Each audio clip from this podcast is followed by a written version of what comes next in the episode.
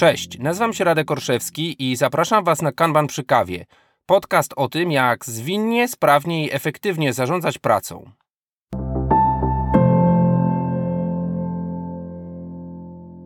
Witam Was w kolejnym odcinku podcastu Kanban przy kawie. W dzisiejszym epizodzie spróbujemy sobie odpowiedzieć na pytanie, takie jak zadane w tytule, a więc kiedy skończymy ten wielokropek projekt, ale chcę od razu powiedzieć, że słowo projekt jest tu słowem użytym roboczo. Tak na dobrą sprawę, zamiast projektu możemy powiedzieć produkt, możemy powiedzieć wersja produktu, możemy powiedzieć przyrost, możemy też e, powiedzieć czymś zupełnie nieprojektowym i nieproduktowym, a więc e, też myślę językiem skramowym. E, możemy tu powiedzieć, na kiedy skończony będzie cały program, na kiedy będzie skończona dana kampania marketingowa, na kiedy będzie ten podcast, tak? Nawet tego typu inicjatywy, które składają się z bardzo wielu innych, zależnych od siebie i w jakiś sposób przestrzennie czy czasowo rozłożonych elementów. I to jest jedno z istotnych pytań, które jest notorycznie zadawane w biznesie, notorycznie zadawane przez zamawiających, jest zadawane przez nas, tak? To znaczy interesuje nas bardzo często efekt składowy pracy nad wieloma pojedynczymi elementami, a nie tylko te pojedyncze elementy. No właśnie i powiedziałbym roboczo najczęściej nazywamy to pewnego rodzaju projektem, nawet jeśli to nie jest definicja projektowa taka powiedziałbym z PM Boka. Ale nie to jest dzisiaj najważniejsze. Najważniejsze jest zrozumienie jak w ogóle to właśnie estymacji, prognozy, wyceny, przewidywania takiej złożonej jednostki pracy podchodzić. I zaczniemy może od tego, jak właściwie podchodzimy do określenia, ile może nam zająć albo na kiedy będzie jedna pojedyncza jednostka pracy. To może być historyjka użytkownika, to może być product y, backlog item, to może być jakaś część składowa, na przykład, nie wiem, projektu, którym jest gra komputerowa, tak? Wiemy, ile trwa produkcja klipu wideo, albo wiemy, ile trwa produkcja jednego danego elementu, tak? Jakiejś porcji grafiki, czy czegoś w tym stylu. Natomiast y, bardzo często biznes i bardzo często klientów, a to przede wszystkim zawsze patrzymy z perspektywy klienta, interesuje nas pewna prognoza, pewna perspektywa tego, kiedy skończony zostanie, no możemy powiedzieć, zakres, tak, albo pewien zbiór takich elementów. One oczywiście nie muszą być takie same, natomiast interesuje nas ten efekt końcowy. Zacznijmy od tego właśnie, jak patrzymy w ogóle na pojedyncze elementy. To oczywiście zasługuje pewnie na e, serię osobnych odcinków. Może też od razu powiem, jeśli Was to interesuje, to dajcie znać. Ja tylko przejdę tak pobieżnie przez to, jak zwykle do tego podchodzimy. Jedną z takich typowych, powiedziałbym historycznie, metod jest po prostu zapytanie eksperta, a więc znajdujemy opinię, czy znajdujemy osobę, która wie, co właściwie jest do zrobienia, która ma może wiedzę domenową, ma wiedzę praktyczną jeszcze lepiej i próbujemy tą osobę zapytać, ile ta osoba przewiduje na to, no i tutaj znowu moglibyśmy wejść w dygresję, czy czasochłonność, czy złożoność, czy budżet, czy cokolwiek innego. Dostajemy jakąś wycenę. Załóżmy, że to trwa 3 czy czegokolwiek, tak? Dni, tygodni, to nie ma właściwie tutaj większego znaczenia. Problem z wyceną czy estymacją związaną z ekspertem jest oczywisty. To znaczy, ekspert wie, dobrze jest wiedzieć, kto jest ekspertem, a jeszcze lepiej wiedzieć, czy to ekspert będzie to robił. Bo jeśli to nie ekspert będzie robił, to oczywiście w tej naszej prognozie możemy się rozminąć. No, z drugiej strony możemy spróbować sobie jakby to można powiedzieć, skalibrować, a więc zapytać eksperta, jak sądzisz, ile to będzie robił nie ekspert, tak? A więc e, możemy pójść w tą stronę. No właśnie, pytanie, jak długo sądzisz, że to będzie trwało, czy ktoś będzie to robił, jeśli nie jest ekspertem albo nie jest eksperckim zespołem, jest właściwie automatycznie przeskoczeniem do drugiej formy, a więc prognozowania, a więc odpytanie o dane historyczne, tak? Często ekspert powie, no mi to by zajęło tyle, ale znając ten zespół, to będzie zajmowało może tyle i tyle, bo będzie musiało zaangażować N osób i tak dalej, i tak dalej. Tak jak widzicie, nawet jakby w przekazie słownym, takim audio jest y, coraz ciężej powiązać sobie te wszystkie elementy, ile osób i tak dalej. Pewnie by tutaj pomogła praktyka wizualizacji z narzędziownika Kanbanu, a więc rozrysowanie sobie tego. Natomiast widzimy, że wchodzimy w coraz bardziej y, nie tylko skomplikowaną, tak graficznie, jakąś sieć zależności, ale też coraz bardziej złożoną domenę, ponieważ wszystkie te elementy zaczynają mieć między sobą jakieś zależności, czy zależności, czy sekwencje, czy no przeróżne inne aspekty. Ta druga metoda to jest właśnie odniesienie się do danych historycznych. Jeżeli te dane historyczne mamy, to oczywiście właściwie możemy w pewien sposób pozbyć się tego eksperta, czy odejść od tego eksperta i powiedzieć, no, nawet jeśli nie jestem ekspertem w wykonywaniu tego, to mogę popatrzeć na dane historyczne i z tych danych historycznych spróbować coś wyczytać. To jest oczywiście jakby w takim podejściu ogólnym bardzo kompatybilne z Kanbanem, bardzo kompatybilne z takim podejściem empirycznym, a więc no, nie próbujmy zgadywać nieznanego, tylko spróbujmy to zmierzyć i tu skramowcy powiedzą inspekcją, adaptacją, osoby myślące, powiedziałbym tak bardziej kanbanowo-systemowo, powiedzą zmierzmy to, prowadźmy jakąś metlę zwrotną, dlatego że to, co zmierzyliśmy za jeden okres, pewnie się będzie zmieniało w przyszłości i to też powinniśmy brać pod uwagę. No, to są wszystko elementy, które wcale tego zadania nie ułatwiają, nawet jeżeli chodzi o czasochłonność. Zadania mam tutaj na myśli zbudowania prognozy, ile zajmie pojedynczy element, a jeszcze bardziej ile zajmie więcej takich elementów, często różnego rodzaju, mając też świadomość, że poruszając się w tej domenie nie będziemy po prostu od początku wiedzieli wszystkiego, co jest do zrobienia. Tak? Ten zakres będzie nam się zmieniał, część elementów będzie wpadała, część będzie się rozrastała, część będzie się rozbijała na mniejsze. To jest zupełnie naturalne. Co dalej? Możemy podejść do tego grupowo, a więc taka technika jak planning poker, jak wszelkiego rodzaju, można powiedzieć, dyskusje dotyczące rozkładu pewnych elementów na części i właśnie dyskutowanie ryzyk i dyskutowanie pewnych obszarów innowacyjności w tym, to bym powiedział jest typowa praktyka, którą myślę, że nawet jeśli nie explicite podaje Scrum Guide, to, to jest ona bardzo często w praktyce zespołów skramowych czy skramujących, a więc takie podejście, w którym rzeczywiście próbujemy grupowo to rozgryźć. I teraz co do zasady, takie podejście grupowe, czy właściwie dyskusja, jest oczywiście bardzo pomocna. Natomiast jest jedna rzecz, która właściwie wszystkie te elementy, wszystkie te metody estymowania pojedynczych cały czas jednostek pracy y, obciąża. To są dwa rodzaje pewnego rodzaju błędów. Tutaj można powiedzieć, że wirtualnym gościem naszego podcastu jest Daniel Kahneman, laureat Nagrody Nobla z y, ekonomii, tak, ale konkretnie można powiedzieć jeden z współtwórca nurtów ekonomii behawioralnej, który mówi, że istnieją dwa rodzaje takich, można powiedzieć, błędów. Pierwszym błędem jest pewnego rodzaju skrzywienie poznawcze, czy błąd poznawczy, a więc tak zwany bias po angielsku. I drugi, który teraz Kahneman promuje, książką, którą przy okazji polecam, książką The Noise, a więc szum. I ten szum to jest innego rodzaju błąd. Na czym polega skrzywienie i na czym polega szum? No to jest bardzo łatwo wyjaśnić, powiedziałbym na takim przykładzie strzelania do tarczy, tak? Jeżeli zobaczylibyśmy najpierw tarczę odwróconą tyłem i e, zobaczylibyśmy, że wszystkie, nie wiem, otwory po kulach czy po strzałach są blisko siebie, to moglibyśmy powiedzieć: super, ten zespół jest bardzo spójny w swoim przewidywaniu, bo te wyniki są blisko siebie. To może być zespół, to może być ekspert, tutaj znowu to nie ma większego znaczenia.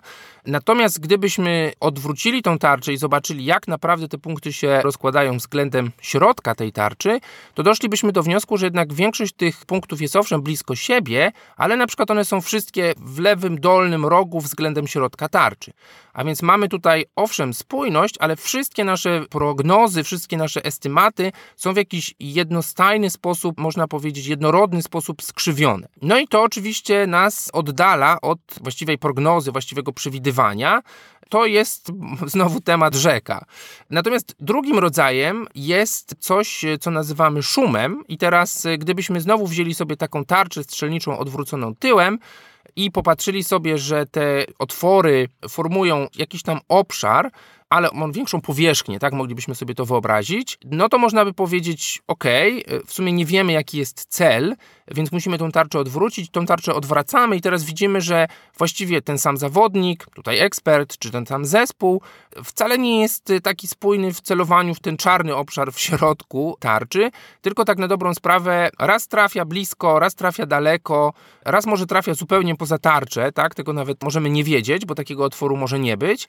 I to nazywamy szumem, to znaczy właściwie ta sama osoba, czy ten zespół e, mogą podejmować, można powiedzieć, pewnego rodzaju prognozy, wyceny w dużym rozrzucie. No i oczywiście to jest w bardzo wielkim uproszczeniu, można powiedzieć tutaj sprzedaję trochę, zajawiam tą książkę The Noise, którą w ubiegłym roku Kahneman wydał, bo oczywiście w rzeczywistości występują obydwa rodzaje tych błędów, a więc tak na dobrą sprawę i eksperci i zespoły bywają skrzywione w tą stronę, że celują raczej w jedną stronę, z drugiej strony ten sam ekspert, y, ten sam decydent tak na dobrą sprawę w różnych warunkach wystawiony na te same dane podejmuje różną decyzję, daje inną prognozę, a więc ten, to pole nam się zwiększa, mamy większy szum.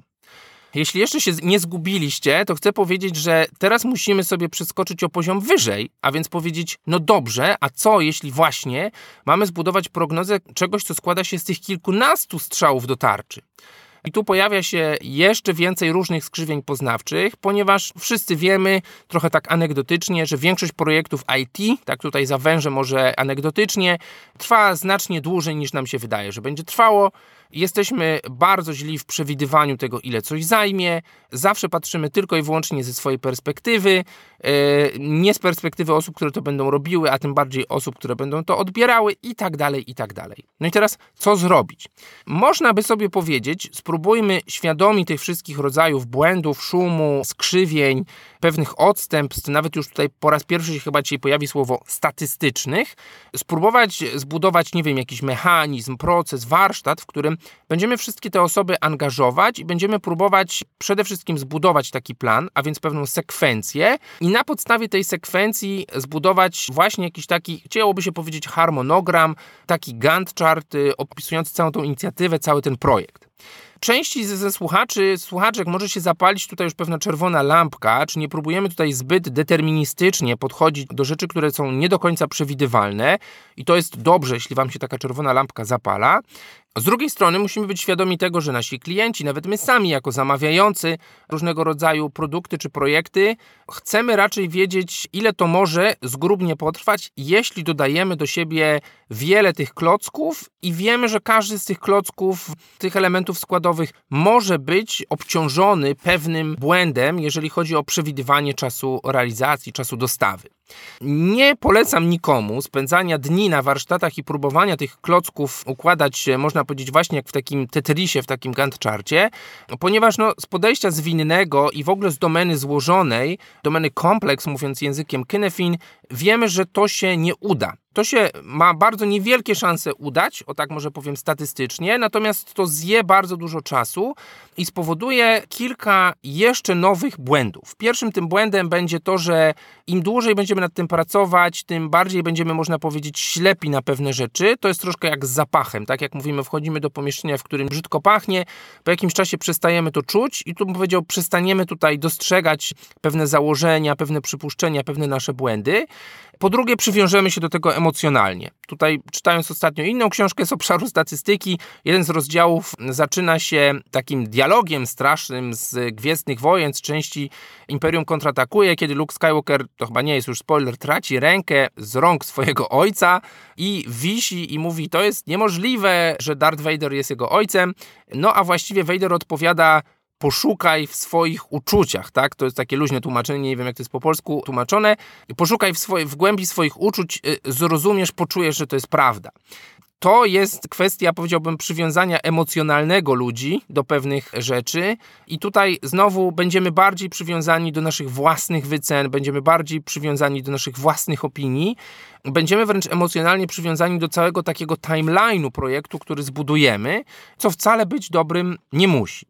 Co w związku z tym, jak wyjść z tego labiryntu złożoności, jak wyjść z tego, można powiedzieć, właśnie takiego coraz bardziej i bardziej zamotanego obrazka, bez spędzania, tak jak już wiemy, potencjalnie stratnie i nawet niebezpiecznie zbyt długiego czasu na prognozowaniu tych elementów składowych oraz całości obrazka z tych elementów składowych. O tym już za moment, po przerwie.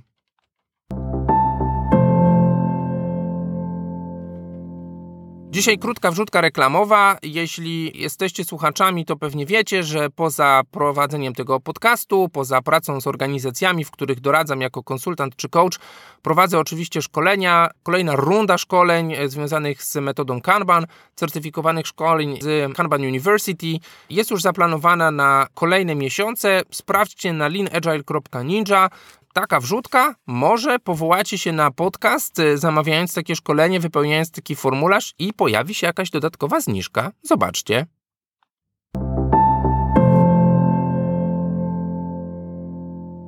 Zapraszam Was do Monako, małego państwa na francuskiej Rivierze.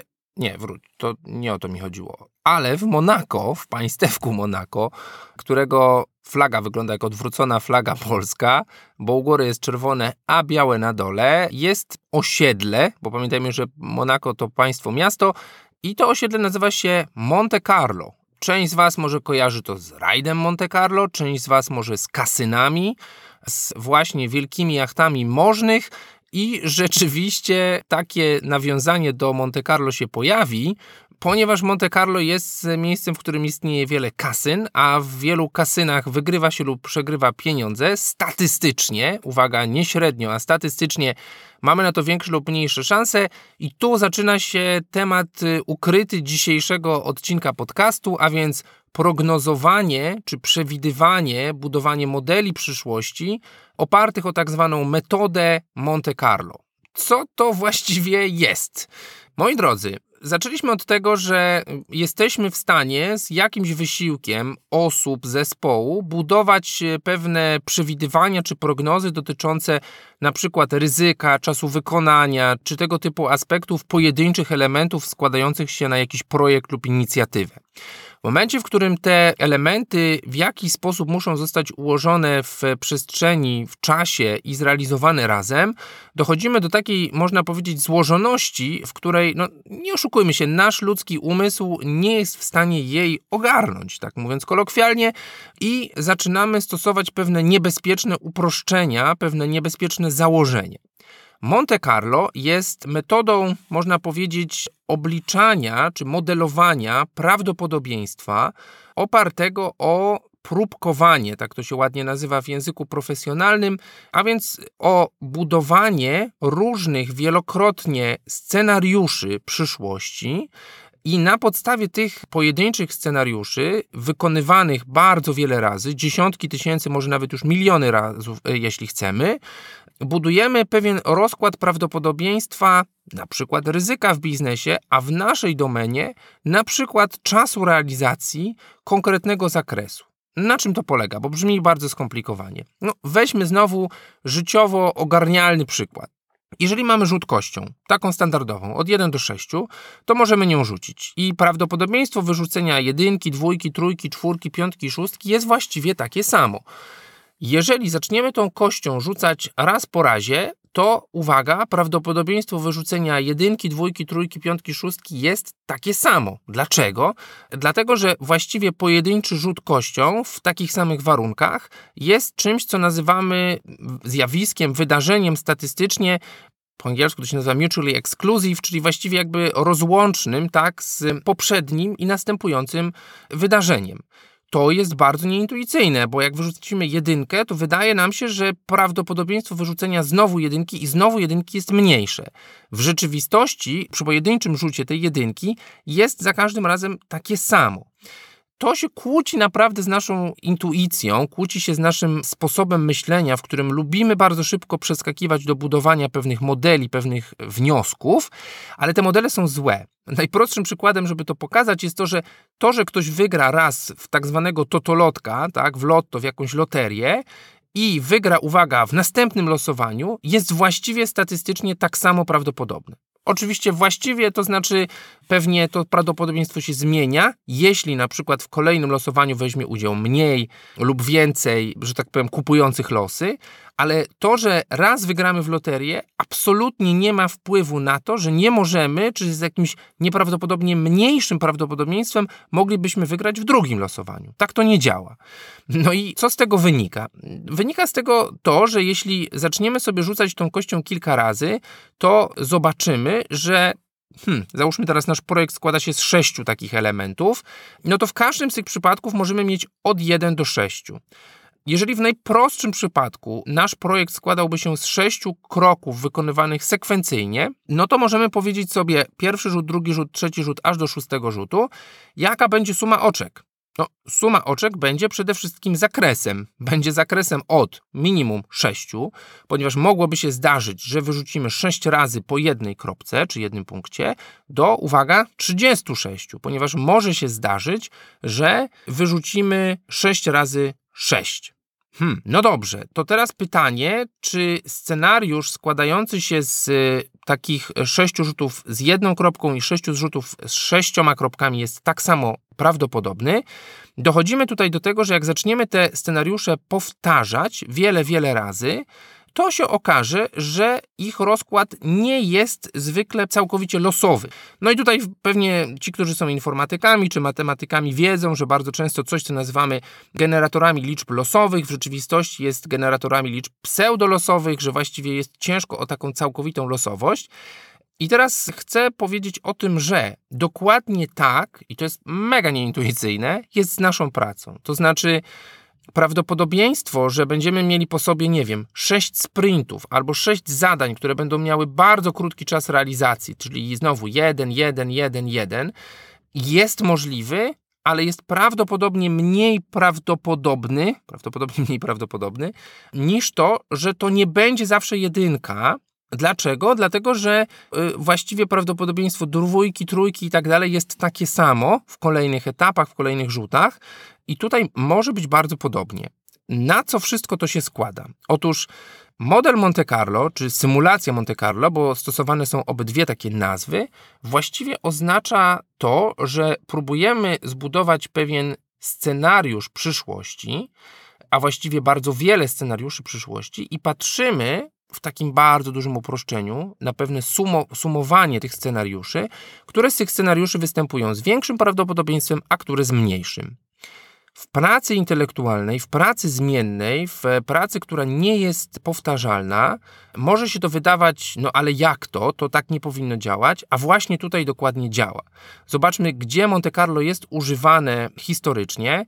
Za twórców metody Monte Carlo uznaje się Stanisława Ulama, polsko-amerykańskiego, można powiedzieć, matematyka, oraz Johna von Neusena, którzy pracowali przy projekcie Manhattan, a więc przy projekcie opracowania broni atomowej. Oni tam również trafili na takie rzeczy, które, mówiąc wprost, nie były możliwe do policzenia ani łatwo na papierze, ani na współczesnych komputerach czy maszynach liczących, bo tak byśmy powinni je raczej nazwać. W związku z czym doszli do takiej inspiracji. Anegdotycznie mówi się, że Ulam doszedł do tego stawiając sobie gdzieś tam, grając w pasjansa, tak jak się rozkłada prawdopodobieństwo wyciągnięcia czy rozłożenia kart stali. Okazuje się, że no właśnie, o ile prawdopodobieństwo wyciągnięcia jednej karty jest niby takie samo, to jak zaczniemy powtarzać te operacje wyciągania kilkudziesięciu kart czy rozkładania ich, ja nie znam się w, na grze w pasjansa, to właściwie rzecz biorąc wszystko będzie dalej prawidłowe to zobaczymy, że tak na dobrą sprawę to nie rozkłada się w taki sposób całkowicie losowy. No to teraz pytanie, jak to przenieść na naszą domenę? Czy ja potrzebuję superkomputera, czy ja potrzebuję, a właściwie czym ja miałbym, czy miałabym karmić taki model, żeby próbować taką przyszłość zbudować? No i tu podejście jest różne. Przede wszystkim pytanie jest, do czego my ten model Monte Carlo chcemy zastosować. Pierwszym podejściem jest określenie tego, ile czasu może zająć realizacja na przykład jakiejś liczby n elementów. Jeżeli dysponujemy jakimikolwiek danymi historycznymi dotyczącymi właśnie na przykład w tym scenariuszu czasochłonności czy czasu realizacji, to po prostu karmimy ten model takimi danymi. Co to znaczy? Bierzemy sobie dane historyczne, które mówią, że na wykonanie grafiki może zająć od jednego do czterech dni. 1 to jest minimum, 4 to jest maksimum, maksimum zaobserwowane, 1 to jest znów minimum zaobserwowane. Pewnie któreś z prawdopodobieństw jest większe, na przykład częściej występuje czas wykonania 3 dni. Informując system, można powiedzieć, karmiąc takimi danymi, jesteśmy w stanie zbudować jakiś scenariusz, który nam powie, ile potrwa realizacja na przykład 30 czy 40 takich elementów. I teraz do tego konieczne będzie jeszcze oczywiście wprowadzenie pewnych warunków brzegowych czy pewnych zmian. Otóż zupełnie inaczej to będzie wyglądało, kiedy musimy wykonać jedną grafikę po drugiej, a więc budujemy to modelu sekwencyjnym, a zupełnie inaczej, jeżeli możemy tą pracę urównoleglić, bo na przykład mamy kilkoro grafików, bo na przykład zespół osób pracujących nad tym. Chociaż może tutaj pewnie będzie to bardziej grupa niż zespół, ale znowu nie ma to takiego większego znaczenia. Dlaczego o tym mówię? No bo zobaczmy, gdybyśmy chcieli zbudować taki plan, to musielibyśmy ręcznie próbować rozkleić te karteczki tych kolejnych grafik czy historyjek użytkownika i zbudować jakiś taki Gantt chart do przodu, że jak skończymy to, to zaczniemy to, a tutaj ktoś jest na urlopie, to tutaj będzie mniej. To jest znowu, no mówiąc najkrócej, waste i to jest znowu coś, czego nie jesteśmy w stanie i nie powinniśmy w stanie nawet próbować zrobić, dlatego że to zawsze się okaże tylko jednym scenariuszem, i obarczony tymi wszystkimi, można powiedzieć, błędami, skrzywieniami, o których mówiłem przed przerwą na początku odcinka. Potęga Monte Carlo polega na tym, że maszynowo, czy to jest Excel, czy to jest takie narzędzie jak Giraflow Companion, który prezentowałem kilkanaście odcinków temu, czy jest to jakiś plugin do Jiry czy Azure DevOpsa typu GetNave, to tak na dobrą sprawę nie ma większego znaczenia. Każdy z tych algorytmów może trochę jak wewnętrznie czarna skrzynka budować to troszkę inaczej, ale przede wszystkim uzyskujemy tutaj niesamowicie ciekawą rzecz. Angażując bardzo mało czasu, angażując bardzo mało, można powiedzieć, e, zespołu w taką rozkminkę, i tutaj chcę od razu postawić gwiazdkę, nie w dyskusji o elementach, bo to jest naprawdę istotne, zanim je rozpoczniemy, ale w taką rozkminkę w stylu, co by było gdyby, a teraz zbudujmy inny scenariusz, to redukujemy ten czas. Ja wiem, znowu powtórzę, to jest mega nieintuicyjne, ale sprawdźcie, zobaczcie sami, wierzcie mi na słowo okaże się, że jesteśmy w stanie zbudować taki model i troszkę jak ten Luke Skywalker, który będzie krzyczał, że to jest niemożliwe, że Vader jest jego ojcem, e, no to matematyka może nam pokazać, że nasz scenariusz, nasze wyobrażenie o tym, że tych n elementów da się zrobić w tyle dni czy w tyle tygodni, tak na dobrą sprawę w oparciu o nasze dane nawet nasze prognozy, bo tutaj możemy powiedzieć, że możemy sobie też podstawić dane historyczne pewnymi przewidywaniami i nakarmić ten model przewidywaniami i zbudować oczywiście przewidywanie całego projektu, będzie, no ja bym powiedział, zakład rozbieżny z tym, czego się spodziewaliśmy. I to już jest w ogóle sukces, dlatego że to nam pokaże, że rzeczywistość jest w zupełnie inny sposób złożona niż nam się wydaje. Co za tym idzie? Dlaczego kanbaniarze, mówiąc wprost, to tak bardzo kochają? Przede wszystkim jest to bardzo elegancka metoda matematyczna, która, tak jak powiedziałem, choć nieintuicyjna, daje bardzo ciekawe wyniki. Wyniki, które bardzo często jesteśmy w stanie wesprzeć danymi po wykonaniu tego projektu i widzimy zbieżność pomiędzy nimi angażuje właściwe dane, czy właściwy zespół właściwych ludzi do takiego stopnia, w którym jest to konieczne, ale nie większym. No i co jest jeszcze istotne, modelowanie Monte Carlo jest czymś, co możemy przeprowadzać takim, można powiedzieć, naprawdę niskim kosztem ekonomicznym w sposób ciągły. A więc ktoś powie, no dobrze, ale teraz nasz zespół jest o połowę mniejszy lub o połowę większy, co w związku z tym? No słuchajcie, tak jak wszystkie rzeczy w zwinności muszą mieć swoją pętlę zwrotną i nie będziemy używali czy odnosili się do raz zbudowanego modelu w nieskończoność, jeżeli rzeczywistość się zmienia, raczej będziemy ten model cały czas karmić nowymi danymi, danymi dotyczącymi nowych, realnych, obserwowanych czasów realizacji, nowych danych dotyczących prędkości dostarczania, bo tutaj nie powiedziałem o tym, że w tym modelu jeszcze powinniśmy oczywiście wziąć pod uwagę prędkość dostarczania, czyli na przykład ile elementów kończymy rzeczywiście, czy na początku spodziewamy się kończyć, a potem naprawdę kończymy w jednostce czasu. To jest kolejna metryka kanbanowa, którą możemy zaprząc do takiego modelu, czy właściwie będziemy musieli nawet. Okaże się, że ten model oczywiście się będzie zmieniał. W efekcie uzyskujemy taką piękną krzywą, która nam pokazuje, że prawdopodobieństwo ukończenia czegoś na przykład w, nie wiem, 8 tygodni jest możliwe, ale bardzo mało prawdopodobne. To są pewnie te rzuty, kiedy naprawdę rzucamy tylko szczęśliwie kością. Nie mamy błędów, kiedy wszystkie wymagania są dobrze opisane, kiedy nie ma żadnych urlopów, kiedy nie ma żadnych zależności, żadnego ścigania product ownera czy, czy biznesu pewne czasy realizacji są bardziej prawdopodobne, a więc nawet jeżeli weźmiemy pod uwagę właśnie nasze rozkminki, to, że ktoś inny estymował, a kto inny będzie robił, że potrzebujemy jakiegoś czasu na usunięcie blokerów i tak dalej, i tak to wszystko się przełoży na dłuższy czas, ale bardziej prawdopodobny. No i oczywiście na tym spektrum, tak, bo musimy myśleć o tym jako takim właśnie zakresie, są pewnego rodzaju prawdopodobieństwa, niższe znowu, ale dłuższe, a więc no może być tak, że będziemy raczej w tej nieszczęśliwej ścieżce, że będziemy się często blokować, że będziemy powoli dostarczać, że będziemy mieli dużo zależności. I oczywiście tu będziemy mieli pewnego rodzaju prognozy, które będą mówiły, że skończenie Znowu nawiążę do tytułu całego tego odcinka cały ten projekt skończymy na znacznie dłużej niż ten najkrótszy szczęśliwy scenariusz i nawet ten najbardziej prawdopodobny, ale jednak gdzieś tam pośredni. Mówię pośredni nie w ujęciu średniej arytmetycznej.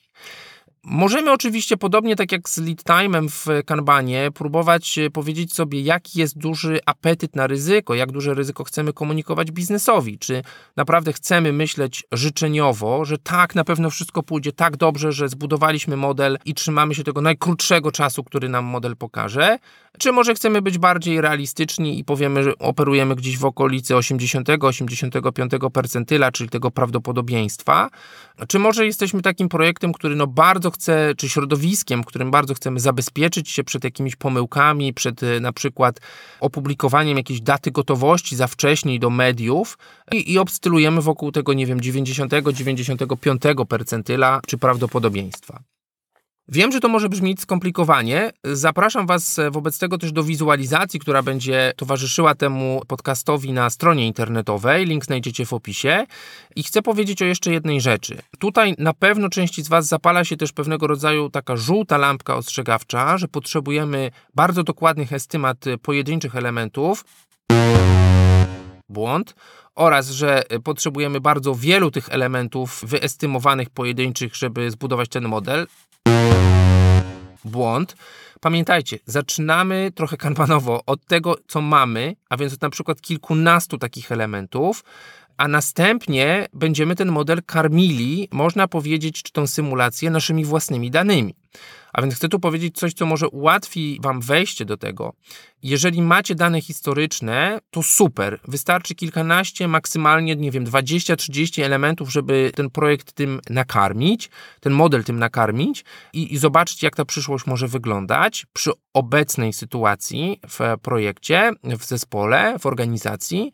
Z drugiej strony, możemy zacząć w ogóle tylko i wyłącznie od na początku pewnych prognóz pojedynczych elementów zbudowanych właściwie trochę na zgadywaniu, a więc właśnie na dyskusji, właśnie na planning pokerze, właśnie na magic estimation, o którym ostatnio opowiadali Kuba i Jacek w porządnym agile'u, a w momencie, kiedy pojawią się nasze dane historyczne, no to właściwie przełączamy się na te dane i uzyskujemy, można powiedzieć, trochę nowy kaliber dokładności.